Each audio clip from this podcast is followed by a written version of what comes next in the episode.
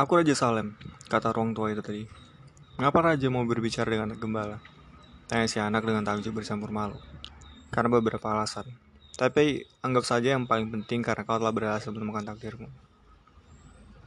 Anak itu tidak mengerti yang apa yang dimaksud dengan takdir seseorang. Takdir adalah apa yang selalu ingin kau capai. Semua orang ketika masih muda tahu takdir mereka. Pada titik kehidupan itu segalanya jelas, segalanya mungkin. Mereka tidak takut bermimpi, mendambakan segala yang mereka inginkan terwujud dalam hidup mereka. Tapi dengan berlalunya waktu, ada daya misterius yang mulai meyakinkan mereka bahwa mustahil mereka bisa mewujudkan takdir itu. Si anak sama sekali tidak memahami ucapan orang tua itu, tapi dia ingin tahu apa yang dimaksud dengan daya misterius itu. Putri sang saudagar pasti terkesan kalau dia menceritakan hal ini. Dan ini adalah kekuatan yang kelihatan yang negatif tapi sebenarnya menunjukkan padamu cara mewujudkan takdirmu. Dan ini mempersiapkan rohmu dan kehendakmu, sebab ada satu kebenaran maha besar di planet ini. Siapa pun dirimu, apa pun yang kau lakukan, kalau engkau sungguh-sungguh menginginkan sesuatu, itu karena hasrat tersebut bersumber dari jiwa jagat raya. Itulah misimu di dunia ini. Walaupun yang kuinginkan hanyalah berkelana atau menikah dengan putri si saudagar Ikain. Ya, atau bahkan mencari harta karun. Jiwa dunia dihidupi oleh kebahagiaan orang-orang, juga oleh ketidakbahagiaan, rasa iri dan cemburu.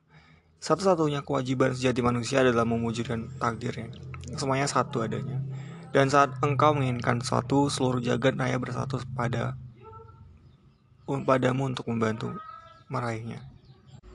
Sesaat mereka sama-sama terdiam mengamati alun-alun serta orang-orang kota itu. Akhirnya laki-laki tua itu berkata, Mengapa engkau menjadi penggembala domba-domba? Karena aku senang berkelana. Laki-laki tua itu menunjuk tukang roti yang berdiri di balik jendela tokonya di salah satu sudut alun. Ketika masih kanak-kanak, orang itu juga ingin berkelana, tapi dia memutuskan pertama-tama akan membuka toko roti, lalu mengumpulkan uang, nanti kalau sudah tua dia ingin berpergian selama sebulan ke Afrika. Dia tidak menyadari orang bisa melaksanakan impiannya kapan saja. Maksudnya dulu dia memutuskan menjadi pengembala saja, kata si anak. Itu pernah terlintas dalam pikirannya, kata laki-laki tua itu. Tapi menjadi tukang roti lebih dihargai daripada menjadi gembala. Tukang roti mempunyai rumah, sementara gembala tidur di alam terbuka. Para orang tua lebih suka anak mereka menikah dengan tukang roti daripada anak gembala. Anak itu merasa terpukul, teringat putri sang saudagar kain, katanya tentu ada tukang roti juga. Laki-laki itu melanjutkan, pada akhirnya pendapat orang tentang pengembala dan tukang roti jadi lebih penting bagi mereka daripada takdir mereka sendiri. Orang tua itu membolak-balikan buku tersebut dan mulai membaca salah satu lembarnya. Si anak lelaki menunggu kemudian menyela orang tua itu seperti tadi dia sendiri disela. Mengapa Anda mengatakan semua ini padaku? Sebab kau sedang mencoba mewujudkan takdirmu, dan pada titik ini kau hampir saja melepaskan semuanya. Dan Anda selalu muncul pada saat seperti itu. Tidak selalu dengan cara ini, tapi aku selalu muncul dalam satu dan lain cara. Kadang-kadang kemunculanku berupa solusi atau gagasan yang bagus. Kadang-kadang pada saat genting aku membuat segalanya lebih mudah. Ada lagi hal-hal lain yang kulakukan, tapi pada umumnya orang-orang tidak menyadari akulah yang melakukannya. Orang tua itu menyatakan bahwa seminggu yang lalu dia terpaksa muncul di hadapan seorang pekerja tambang dalam wujud sebongkah batu. Pekerja tambang itu telah meninggalkan segala-galanya demi menggali batu-batu zamrud. Lima tahun lamanya dia menggarap sebuah sungai memeriksa ratusan ribu batu untuk mencari zamrud itu. Kemudian dia hampir saja menyerah, padahal kalau dia mau memeriksa satu batu saja lagi, satu saja lagi, dia akan menemukan batu zamrud impiannya. Berhubung pekerjaan ini telah mengorbankan segala-galanya demi memenuhi takdirnya, orang tua itu memutuskan untuk campur tangan. Dia mengubah dirinya menjadi batu yang bergulir ke kaki pekerja tambang itu. Si pekerja tambang dengan kemarahan dan frustasi kemuncak karena lima tahun bekerja tanpa hasil, memungut batu itu dan melemparkannya. Tapi begitu kuat lemparannya hingga batu itu menghantam batu lain dan memecahkannya dan di sana, di dalam batu yang pecah itu, tampak batu zamrud paling indah di dunia. Di masa-masa awal kehidupan mereka, manusia sudah tahu alasan keberadaan mereka, kata orang tua itu dengan nada getir. Barangkali itu juga sebabnya mereka menyerah terlalu cepat. Tapi memang begitulah adanya. Si anak laki-laki mengingatkan orang mengingatkan orang tua itu bahwa tadi dia menyebut-nyebut tentang harta karun. Aliran air mengungkap keberadaan harta terpendam dan air yang menguburnya, air pula yang menguburnya. Kata orang tua itu, kalau kau ingin belajar tentang hartamu, kau harus memberikan padaku sepersepuluh dari domba-dombamu. Bagaimana kalau sepersepuluh dari hartaku saja?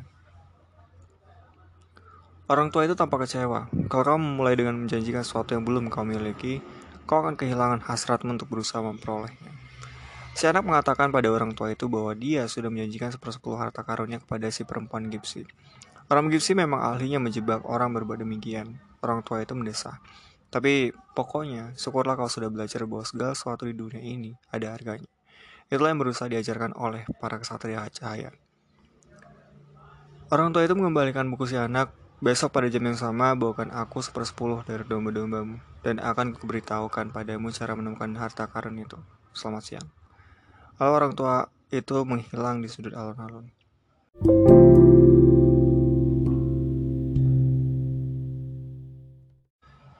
Si anak lelaki meneruskan membaca bukunya, tapi tak lagi bisa memutuskan memusatkan pikirannya ke sana. Dia merasa tegang dan kesal sebab dia tahu orang tua itu benar. Dia pergi membeli sebongkar roti di tukang roti sambil berpikir-pikir, haruskah dia memberitahu si tukang roti apa yang telah dikatakan orang tua itu tentang dirinya? Kadang lebih baik membiarkan segala sesuatu apa adanya, pikirnya dan dia memutuskan untuk tidak mengatakan apa-apa. Kalau dia bicara selama tiga hari, tukang roti itu akan berpikir untuk meninggalkan segala sesuatu yang dimilikinya. Padahal dia sudah terbiasa dengan kehidupannya saat ini. Secara lelaki masih menahan diri supaya tidak membuat gelisah si tukang roti. Maka dia pun mulai berjalan-jalan keliling kota itu dan tahu-tahu dia sudah berada di gerbang-gerbang kota. Ada sebuah bangunan kecil di sana dengan loket untuk orang-orang membeli karcis ke Afrika. Dia tahu Mesir ada di Afrika. Bisa saya bantu? Saya laki-laki di balik loket. Barangkali besok saja. Saat si anak sambil sambil pergi.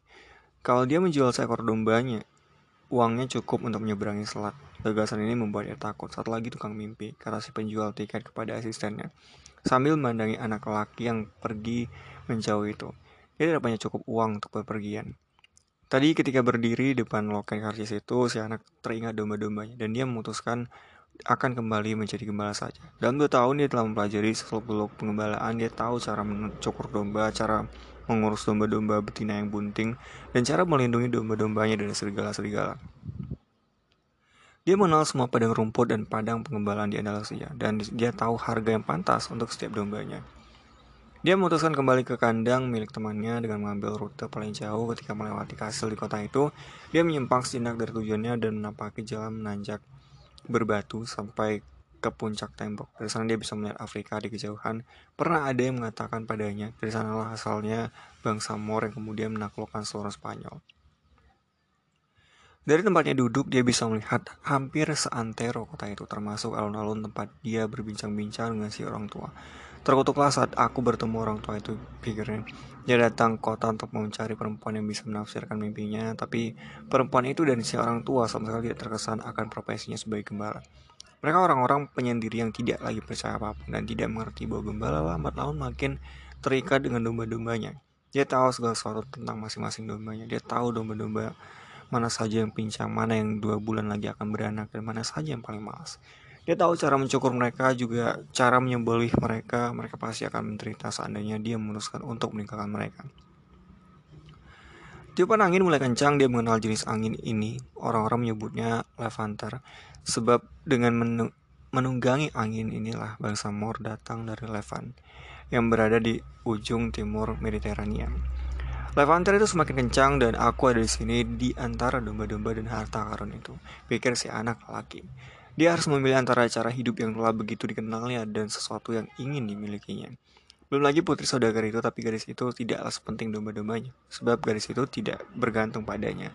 Barangkali gadis itu bahkan tidak ingat lagi pada si anak gembala yang yakin bagi gadis itu tidak lagi penting hari apa hari apa dia hari apa dia datang baginya setiap hari sama saja dan kalau setiap hari terasa sama saja itu karena orang-orang tidak menyadari hal-hal indah yang terjadi dalam hidup mereka setiap hari, seiring terbitnya matahari. Setelah aku tinggalkan ayahku, ibuku, dan kastil kota itu, mereka telah terbiasa jauh dariku. Itu pula aku. Domba-domba ini juga akan terbiasa dengan ketidakhadiranku, pikir si anak. Dari tempatnya duduk, dia bisa mengamati alun-alun, orang-orang masih terus keluar masuk di toko si tukang roti. Ada pasangan muda duduk di bangku panjang tempat dia berbincang dengan orang tua itu dan mereka berciuman. Tukang roti itu si anak berbicara sendiri tanpa menyelesaikan pikirannya. Angin levanter masih terus bertiup semakin kencang, busan kuatnya menerpa wajah si anak. Angin itulah yang telah membawa bangsa Mor kemari. Ya, tapi angin itu pula yang telah membawa aroma padang pasir serta perempuan-perempuan bercadar.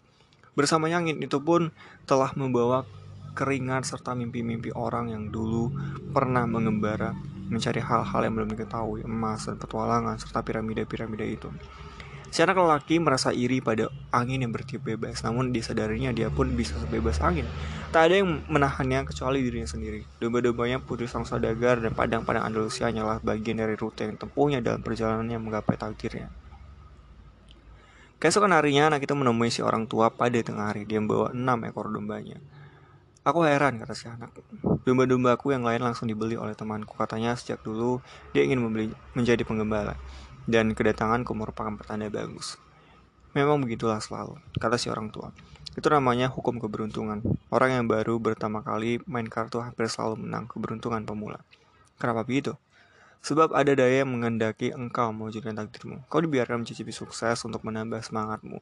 Kemudian si orang tua mulai memeriksa domba-domba itu, dilihatnya salah satu ekor ternyata pincang. Si anak menjelaskan bahwa itu tidak penting sebab domba ini justru yang paling cerdas di antara domba lainnya dan menghasilkan wall paling banyak. Di mana harta karun itu berada? Tanya si anak. Di Mesir di dekat piramida-piramida. Anak itu terperanjat. Perempuan Gipsi itu juga berkata demikian, tapi dia tidak memungut bayaran sebesar pun. Supaya menemukan harta karun itu, kau harus mengikuti pertanda-pertanda yang diberikan. Tuhan telah menyiapkan jalan yang mesti dilalui masing-masing orang. Kau, kau tinggal membaca pertanda-pertanda yang tinggalkannya untukmu. Sebelum si anak sempat menjawab, seekor kupu-kupu terbang di antara dirinya dan orang tua itu. Dia pun teringat ucapan kakeknya. Kupu-kupu merupakan pertanda bagus seperti jangkrik dan ekspektasi-ekspektasi seperti kadal dan daun semangi berhelai empat. Benar sekali, kata si orang tua, yang rupanya bisa membaca pikiran si anak persis seperti diajarkan kakekmu. Semua ini pertanda bagus.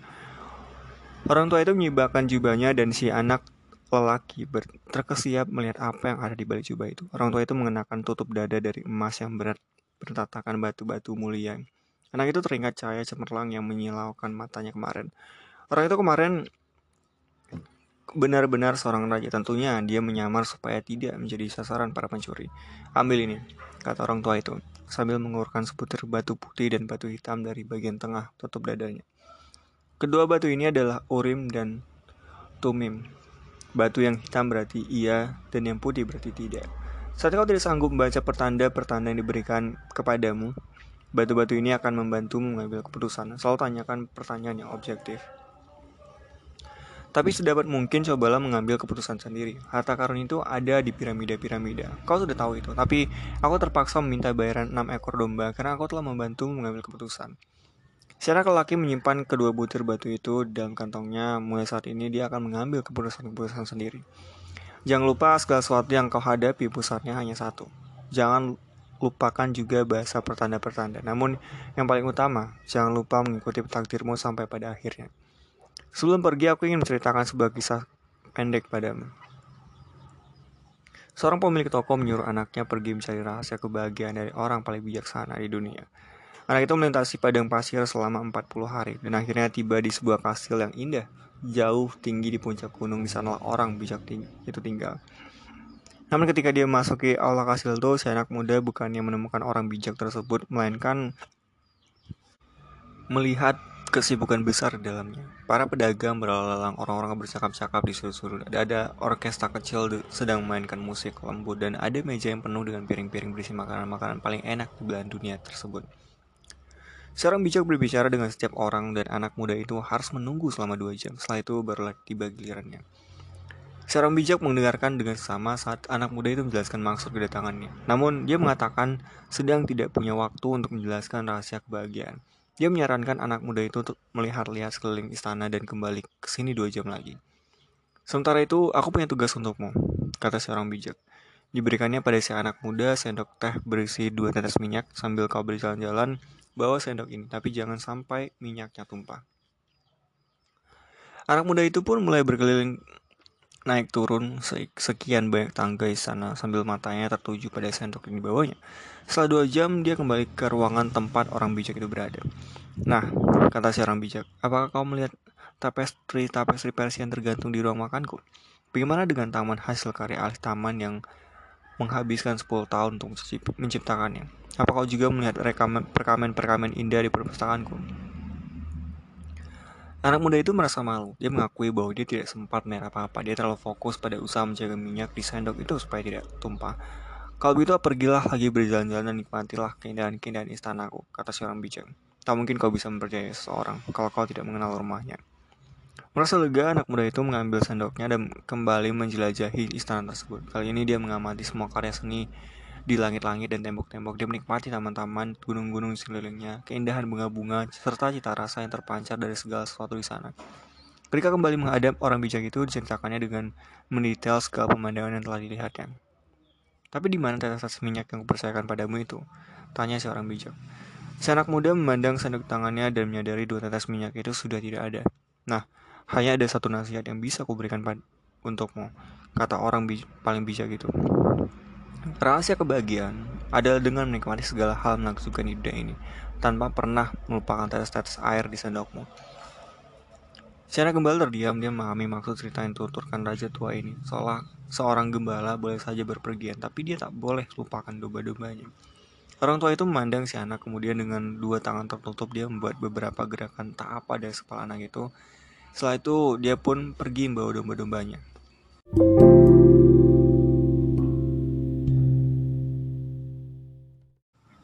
Di bagian kota yang paling tinggi di Tarifa ada benteng tua yang dibangun bangsa Mor. Dari puncak tembok-temboknya, orang bisa melihat sedikit benua Afrika.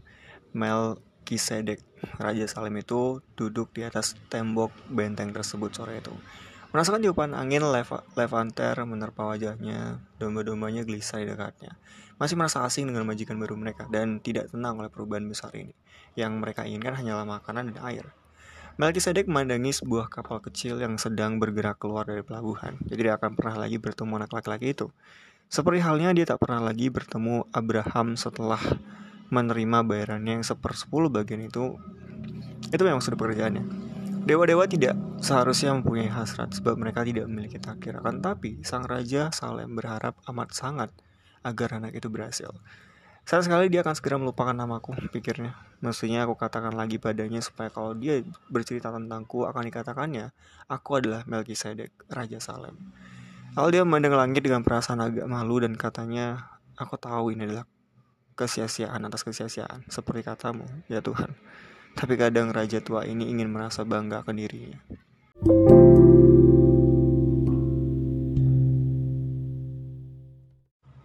Betapa anehnya Afrika, pikir anak laki itu. Dia sedang duduk di sebuah kedai yang sangat mirip kedai-kedai lain yang telah dilihatnya sepanjang jalanan speed di Tangir itu.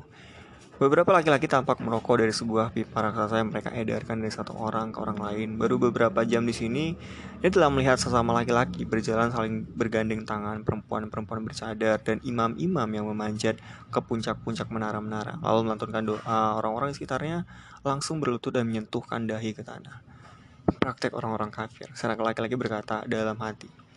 Ketika masih kecil di gereja, dia selalu memandangi patung Santo Santiago Matamoros yang duduk di atas kuda putihnya dengan pedang terhunus. Sementara orang-orang seperti yang dilihatnya sekarang ini berlutut. Di kaki sang orang suci, anak itu merasa sesak dan sangat kesepian. Orang-orang kafir ini memancarkan kesanjahan. Selain itu, karena terdorong oleh semangat ingin segera berpergian, dia melupakan satu detail, hanya satu yang bisa menjadi penghalang baginya dalam mencari harta karun itu. Di negeri ini orang-orangnya ya hanya berbahasa Arab. Pemilik kedai itu mendekatinya dan si anak lelaki menunjuk minuman yang ada di meja sebelah. Ternyata itu teh pahit. Anak itu memilih minuman anggur saja. Tapi untuk saat ini, dia tidak perlu mengkhawatirkan soal bahasa dulu. Yang perlu dipikirkannya adalah harta karun itu dan bagaimana cara memperolehnya. Dari hasil menjual domba-dombanya, dia punya cukup uang di kantongnya dan dia tahu uang bisa membawa keajaiban. Orang yang punya uang tidak pernah kekurangan teman. Tak lama lagi, mungkin beberapa hari lagi saja dia akan tiba di piramida-piramida itu. Orang tua dengan penutup dada terbuat dari emas tentunya tidak bakal berbohong sekedar untuk memperoleh enam ekor domba. Orang tua itu telah berbicara tentang tanda-tanda dan pertanda-pertanda dan ketika menyeberangi selat, anak laki itu memikirkan soal pertanda-pertanda tersebut. Ya, orang tua itu paham sekali tentang ucapannya. Selama menjadi gembala di padang-padang, Anda Andalusia, si anak-anak si anak laki itu sudah terbiasa menentukan jalur yang harus dipilihnya dengan berpedoman pada tanah dan langit. Dia menemukan bahwa kalau ada burung tertentu, berarti di dekat-dekat situ ada ular. Dan kalau ada semak-semak jenis tertentu, berarti daerah itu ada air. Domba-dombanya lah yang mengajarinya hal-hal tersebut. Kalau Tuhan membimbing domba-domba dengan begitu baik, tentunya dia juga akan membimbing manusia, pikir si anak. Dia juga merasa lebih tenang kayaknya jadi tidak terlalu pahit lagi. Kau siapa? Seorang bertanya padanya dalam bahasa Spanyol. Alan itu merasa lega, dia baru saja berpikir tentang pertanda-pertanda dan tahu-tahu ada orang mendatanginya. Bagaimana kau bisa berbicara bahasa Spanyol? Tanyanya. Pemuda yang mendatanginya itu mengenakan setelan barat tapi warna kulitnya menunjukkan dia penduduk asli kota ini. Usianya kira-kira sebaya dengan si anak lelaki, tingginya juga tidak terlalu jauh berbeda. Hampir semua orang di sini bisa berbahasa Spanyol. Spanyol cuma dua jam perjalanan dari sini. Duduklah, akan ku traktir kau makan. Kata si anak lelaki. Dan tolong mintakan segelas anggur untukku. Aku tidak suka teh ini. Tidak ada anggur di negeri ini. Saat si pemuda. Agama di sini melarang anggur. Kemudian si anak lelaki mengatakan bahwa si dia hendak pergi ke piramida-piramida itu.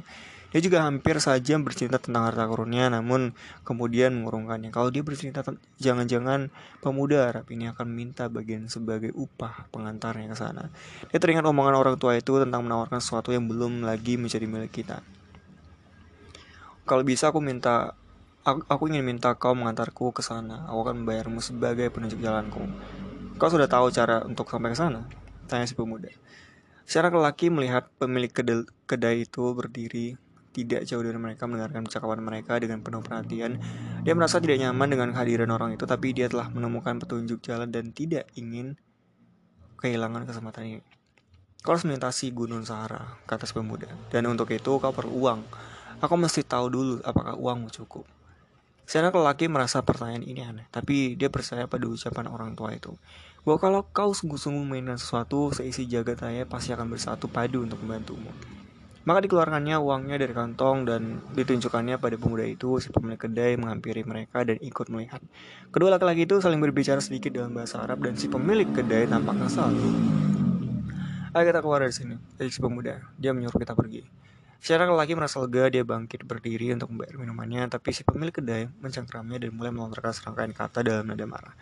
Anak itu kuat dan ingin melawan, tapi dia orang asing di sini. Teman barunya mendorong si pemilik kedai dan menarik anak itu keluar. Dia menginginkan uangnya katanya. Tangier tidak seperti wilayah-wilayah Afrika yang lain, ini kota pelabuhan, dan setiap pelabuhan selalu ada pencuri. Si anak lelaki percaya pada teman barunya ini, pemuda ini telah mendorongnya keluar dari situasi berbahaya. Anak itu mengeluarkan uangnya dan menghitungnya. Besok kita sudah sampai ke piramida-piramida itu. Kata si pemuda sambil mengambil uang tersebut. Tapi aku harus membeli dua ekor unta dulu. Mereka menyusuri jalan-jalan sempit Tangier bersama-sama di mana-mana tampak kios-kios yang menjual berbagai barang. Mereka tiba di pusat sebuah alun sangat luas yang jadikan pasar. Ribuan orang tumpah ruah di sana berdebat, berjualan, dan berbelanja. Sayur mayur dijual di antara pisau-pisau belati. Karpet-karpet dipajang sederetan dengan tembakau. Tapi si anak lelaki tak sedikit pun mengalihkan mata dari teman barunya. Sebab seluruh uangnya ada di tangan pemuda itu. Sebenarnya dia hendak meminta uangnya dikembalikan, tapi takut tindakannya dianggap tidak ramah. Apalagi dia tidak tahu apa-apa mengenai adat istiadat di negeri asing ini. Akan kuawasi saja dia, katanya dalam hati. Toh dia lebih kuat daripada temannya ini.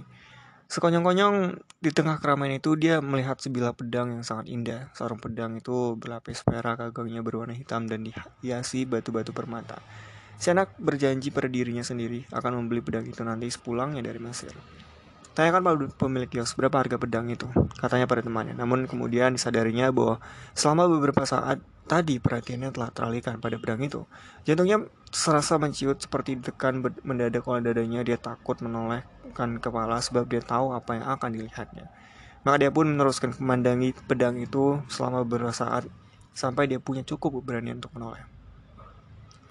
Di sekitarnya hanya ada kesibukan pasar itu, dan orang-orang yang berlalang berseru-seru dan berbelanja, serta aroma makanan-makanan yang asing baginya. Namun teman barunya sama sekali tidak kelihatan batang hidungnya. Anak ingin percaya bahwa temannya itu terpisah darinya tanpa sengaja, maka dia memutuskan untuk tetap di situ menunggu temannya kembali. Ketika dia sedang menunggu, seorang imam naik ke puncak menara di dekat sana dan mulai melantunkan doanya. Semua orang di pasar itu beruntun menyentuhkan dahi ke tanah dan ikut melantunkan doa tersebut. Kemudian seperti sekawanan semut pekerja, mereka membongkar kios-kios lalu pergi. Matahari juga mulai tenggelam, anak laki itu pun memandangi pergeserannya selama beberapa saat sampai matahari tersembunyi di balik rumah-rumah putih di sekeliling alun-alun. Dia teringat pagi tadi ketika matahari terbit dia masih berada di benua lain. Masih menjadi anak gembala yang memiliki 60 ekor domba dan hendak bertemu seorang gadis. Pagi tadi dia sudah tahu segala sesuatu yang akan dialami sementara dia melintasi padang-padang yang sudah begitu dikenal. Tapi sekarang saat matahari mulai terbenam dia berada di negeri, di negeri lain jadi orang asing negeri yang di negeri asing pula yang bahasanya tidak dia pahami. Dia bukan lagi anak gembala dan dia tidak punya apa-apa tidak juga punya uang untuk pulang dan memulai hidup baru. Semuanya terjadi hanya dalam satu hari. Pikiran itu, dia merasa ibu, iba pada diri sendiri dan meratapi nasibnya. Karena hidupnya berubah begitu mendadak dan secara drastis pula. Dia begitu malu hingga ingin menangis, padahal selama ini belum pernah dia menangis di hadapan domba-dombanya sekalipun. Tapi sekarang, pasar itu sudah kosong dan dia berada jauh dari rumah. Maka dia menangis, dia menangis karena Tuhan begitu tidak adil dan karena beginilah ganjaran Tuhan pada orang-orang yang meyakini impian-impian mereka. Ketika masih bersama domba-dombaku aku bahagia dan orang-orang lain di sekitarku ikut bahagia. Saatnya aku datang, orang-orang menyambutku dengan ramah, pikir si anak. Tapi sekarang aku sedih dan sendirian. Aku akan menjadi getir dan tidak bisa lagi mempercayai orang-orang lain karena satu orang telah mengkhianatiku. Aku bakal membenci orang-orang yang telah menemukan harta karun mereka sebab aku sendiri tidak menemukan hartaku. Dan aku akan mati-matian menjaga sedikit milikku yang masih tersisa sebab aku terlalu lemah dan tidak bakal bisa menemukan dunia. Dia membuka kantongnya untuk memeriksa apakah masih ada harta yang tersisa. Barangkali barangkali saja masih ada sedikit roti sisa yang dimakannya di, di kapal tadi. Tapi ternyata kantong itu hanya berisi bukunya yang tebal jaketnya, dan dua butir batu yang diberikan orang tua itu padanya. Ketika melihat kedua butir batu itu, entah kenapa dia merasa lega. Dia telah menukarkan enam dombanya untuk dua batu mulia yang diambil dari penutup dada dari emas. Dia bisa menjual kedua batu itu untuk membeli tiket pulang. Tapi kali ini aku akan lebih cerdik, pikir si anak. Dikeluarkannya batu-batu itu dari dalam kantong untuk dipindahkan ke sakunya. Ini kota pelabuhan dan seperti dikatakan si pemuda padanya, kota-kota pelabuhan penuh dengan pencuri. Sekarang dia mengerti mengapa si pemilik kedai tampak begitu geram. Dia ingin memperingatkan aku supaya tidak mempercayai pemuda itu. Tapi aku seperti orang-orang pada umumnya, hanya melihat apa yang ingin kulihat, bukan apa yang sebenarnya terjadi. Di banyak batu itu perlahan-lahan merasakan temperaturnya serta permukaannya batu-batu ini adalah hartanya. Merabanya saja sudah bisa menghibur hatinya. Batu-batu ini mengingatkannya pada orang tua itu. Kalau kau menginginkan sesuatu, seluruh jagat raya bersatu padu membantu mendapatkannya, kata orang tua itu. Secara lagi mencoba memahami kebenaran ucapan orang tua itu, saat ini dia berada di pasar yang kosong melompong tanpa uang sepeser pun, tanpa satupun domba untuk dijaga sepanjang malam. Namun batu-batu ini menjadi bukti bahwa dia telah bertemu seorang raja, raja mengetahui tentang masa lalunya. Batu-batu ini disebut Urim dan Tumim dan mereka bisa membantu membaca pertanda-pertanda. Sanak masukkan kembali kedua batu itu ke dalam kantongnya dan memutuskan untuk menguji keampuhannya. Kata orang tua itu, dia harus mengajukan pertanyaan-pertanyaan yang sangat jelas. Berarti dia harus tahu betul apa yang diinginkannya. Maka dia menanyakan apakah restu orang tua itu masih menyertainya. Dia melihat salah satu batu itu jawabannya iya. Apakah aku akan menemukan harta karun itu? Tanyanya. Dia merogoh kantongnya dan mencari-cari salah satu batu itu, tapi sekonyong-konyong kedua batu itu terdorong ke lubang di dalam kantong dan jatuh ke tanah. Selama ini si anak laki tidak memperhatikan bahwa kantong itu berlubang. Dia pun berlutut untuk mencari urim dan tumim untuk dimasukkan kembali ke dalam kantong. Tapi saat melihat kedua batu itu di tanah, dia teringat pesan lain orang tua itu. Belajarlah mengenali pertanda-pertanda dan ikutlah petunjuk mereka, kata orang tua itu. Pertanda, si anak laki tersenyum sendiri. Diambilnya kedua batu itu dan simpannya kembali di dalam kantong. Dia tidak berniat menambal lubang di kantong batu-batu itu bisa jatuh kapan saja. Dia telah mendapat satu pelajaran. Ada hal-hal yang tidak perlu dipertanyakan. Supaya kau telah melarikan diri dari takdirmu. Aku berjanji akan membuat keputusan-keputusanku sendiri, kata si anak-anak si anak pada dirinya. Akan tapi batu-batu itu telah menegaskan padanya bahwa restu orang tua itu masih menyertainya dan ini membuatnya lebih percaya diri. Dia kembali melayangkan pandang di alun-alun yang sudah kosong itu, namun dia tidak lagi seputus asa tadi. Tempat ini bukan lagi tempat yang asing melainkan sekedar tempat baru. Lagi pula, bukankah ini yang diinginkannya sejak dulu? Pergi ke tempat-tempat baru, andai pun tidak tidak pernah sampai ke piramida-piramida itu, setidaknya dia sudah berkelana lebih jauh daripada gembala mana pun yang dikenalnya. Oh, kalau saja mereka tahu betapa berbedanya keadaan di sini, padahal tempat ini jaraknya hanya dua jam perjalanan naik kapal dari negeri mereka, pikirnya. Meski saat ini di dunianya hanya berupa pasar yang kosong, dia telah melihat pasar itu ketika sedang ramai-ramai dan dia akan pernah dan dia tidak akan pernah melupakan pemandangan itu. Teringat pula olehnya pedang itu dan dia jadi agak sakit hati. Tapi dia belum pernah melihat pedang seperti itu ketika sedang asik berpikir-pikir tentang berbagai hal tersebut. Dia pun sadar bahwa dia mesti memilih menganggap dirinya anak malang korban pencuri atau petualang yang hendak mencari harta karun. Aku petualang yang hendak mencari harta karun, katanya pada diri sendiri.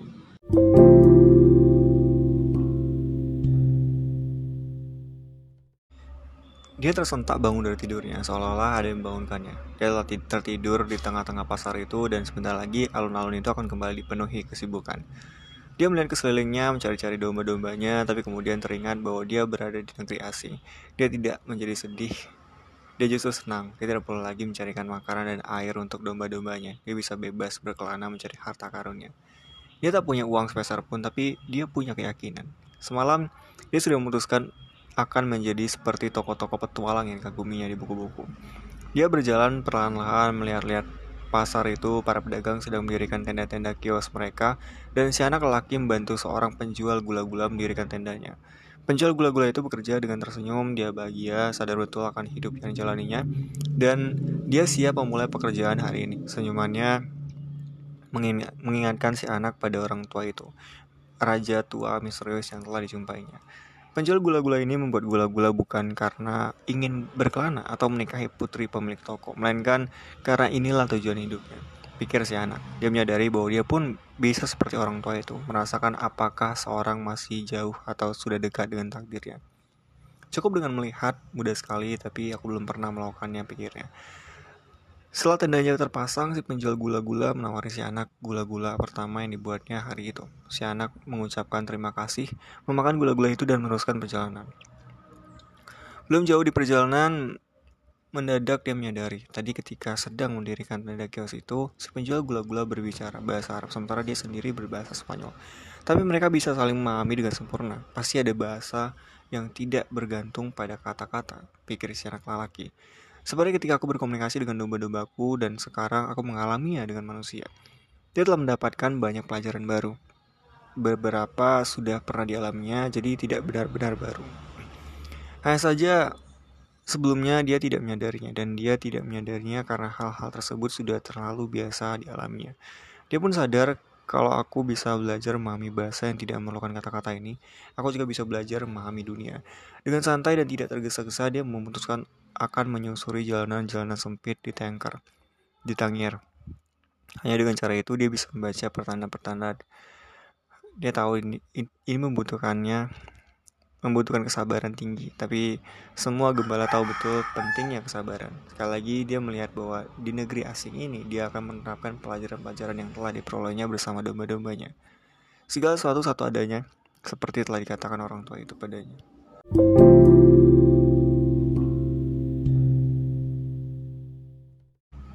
Pedagang kristal itu terbangun dan merasakan kegelisahan yang sama. Seperti biasanya setiap hari, sudah 30 tahun dia tinggal di sini, di toko yang berada di ujung jalan berbukit yang hanya dilewati sedikit orang. Sekarang sudah terlambat untuk mengubah apa pun. Satu-satunya kaliannya adalah berjual beli barang-barang kristal. Dulu tokonya dikenal banyak orang, saudagar-saudagar Arab, geolog-geolog Prancis dan Inggris, serta tentara Jerman yang selalu memakai sepatu-sepatu bagus. Dulu usaha berdagang kristal terasa menyenangkan, dan dia suka membayangkan dirinya menjadi kaya, didampingi perempuan-perempuan cantik saat dia beranjak tua. Tapi dengan berlalunya waktu, Tangier ikut berubah. Kota Ceuta yang berada dekatnya berkembang lebih pesat daripada Tangier. Dan perdagangan di sana mulai mengalami kemunduran. Para tetangga berpindah rumah dan yang tersisa hanyalah beberapa toko kecil di bukit tidak bakal ada yang mau mendaki bukit sekedar untuk melihat-lihat beberapa toko kecil. Tapi pedagang kristal itu tidak punya pilihan. Selama 30 tahun dia berjual beli barang-barang kristal dan sekarang sudah terlambat untuk berganti profesi. Sepanjang pagi, dia mengamati jalanan yang tidak banyak orang berlalang. Sudah bertahun-tahun dia melakukannya dan dia tahu jadwal setiap orang yang lewat. Tapi persis sebelum jam makan siang, seorang anak lelaki berhenti di depan tokonya. Pakainya biasa saja tapi dengan matanya yang terlatih. Si pedagang kristal tahu anak itu tidak punya uang untuk dibelanjakan. Namun pedagang itu memutuskan menunda makan siangnya sampai anak itu pergi.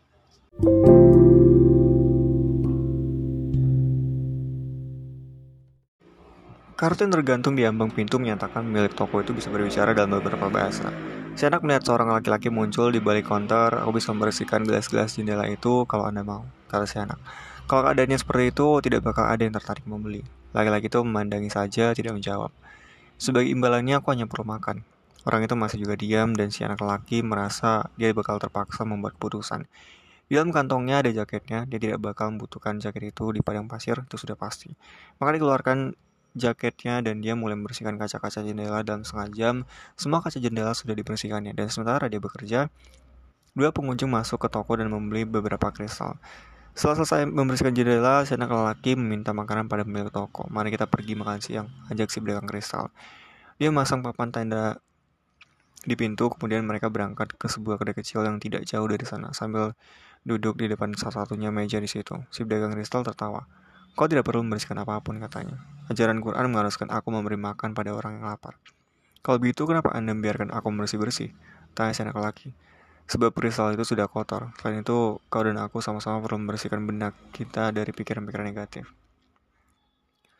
Setelah mereka selesai makan, si pedagang berkata pada anak itu, Aku ingin kau bekerja di tokoku. Tadi dua pelanggan masuk ke tokoku waktu kau sedang kerja. Itu pertanda baik. Orang-orang banyak membicarakan soal pemuda pertanda pikir anak gembala. Tapi sebenarnya mereka tidak benar-benar mengerti omongan mereka sendiri. Seperti halnya aku tidak menyadari bahwa selama sekian tahun aku berkomunikasi menggunakan bahasa tanpa kata-kata dengan domba-dombaku. Apakah mau bekerja padaku? Tanya si pedagang. Aku bisa bekerja sepanjang sisa hari ini, saut si anak. Aku akan bekerja sepanjang malam sampai subuh dan akan kubersihkan setiap barang kristal di rumah Anda. Sebagai imbalannya aku butuh uang untuk barang berangkat Mesir ke Mesir besok. Pedagang itu tertawa, kalaupun kau membersihkan seluruh kristalku selama setahun penuh, kalaupun kau memperoleh komisi besar dari hasil penjualan setiap barang, kau tak masih perlu meminjam uang untuk bisa sampai ke Mesir. Ada bentangan padang pasir yang luasnya ribuan kilometer antara tempat ini dan Mesir. Sejenak timbul keningan yang begitu tajam, hingga sisi kota itu soal tertidur, tak ada suara dari pasar, tak ada perdebatan seru di antara para pedagang, tak ada orang-orang yang naik ke menara untuk melantunkan doa, tak ada harapan petualangan raja-raja tua ataupun takdir, tak ada harta karun dan tak ada piramida-piramida. Sisi dunia seakan terdiam seketika, karena jiwa anak itu pun terdiam. Dia pun terduduk di sana menatap kosong keluar pintu kedai berharap dirinya mati saja dan segala sesuatu berakhir selamanya pada saat itu juga. Si pedagang menatapnya cemas segala suka cita yang dilihatnya pagi itu sekonyong-konyong lenyap. Aku bisa memberimu uang yang kau butuhkan untuk kembali ke negerimu, nak, kata si pedagang kristal. Anak laki itu diam saja. Dia bangkit berdiri, merapikan pakaiannya dan mengambil kantongnya. Aku akan bekerja pada Anda, katanya. Dan setelah lama terdiam, dia menambahkan, Aku butuh uang untuk membeli domba-domba.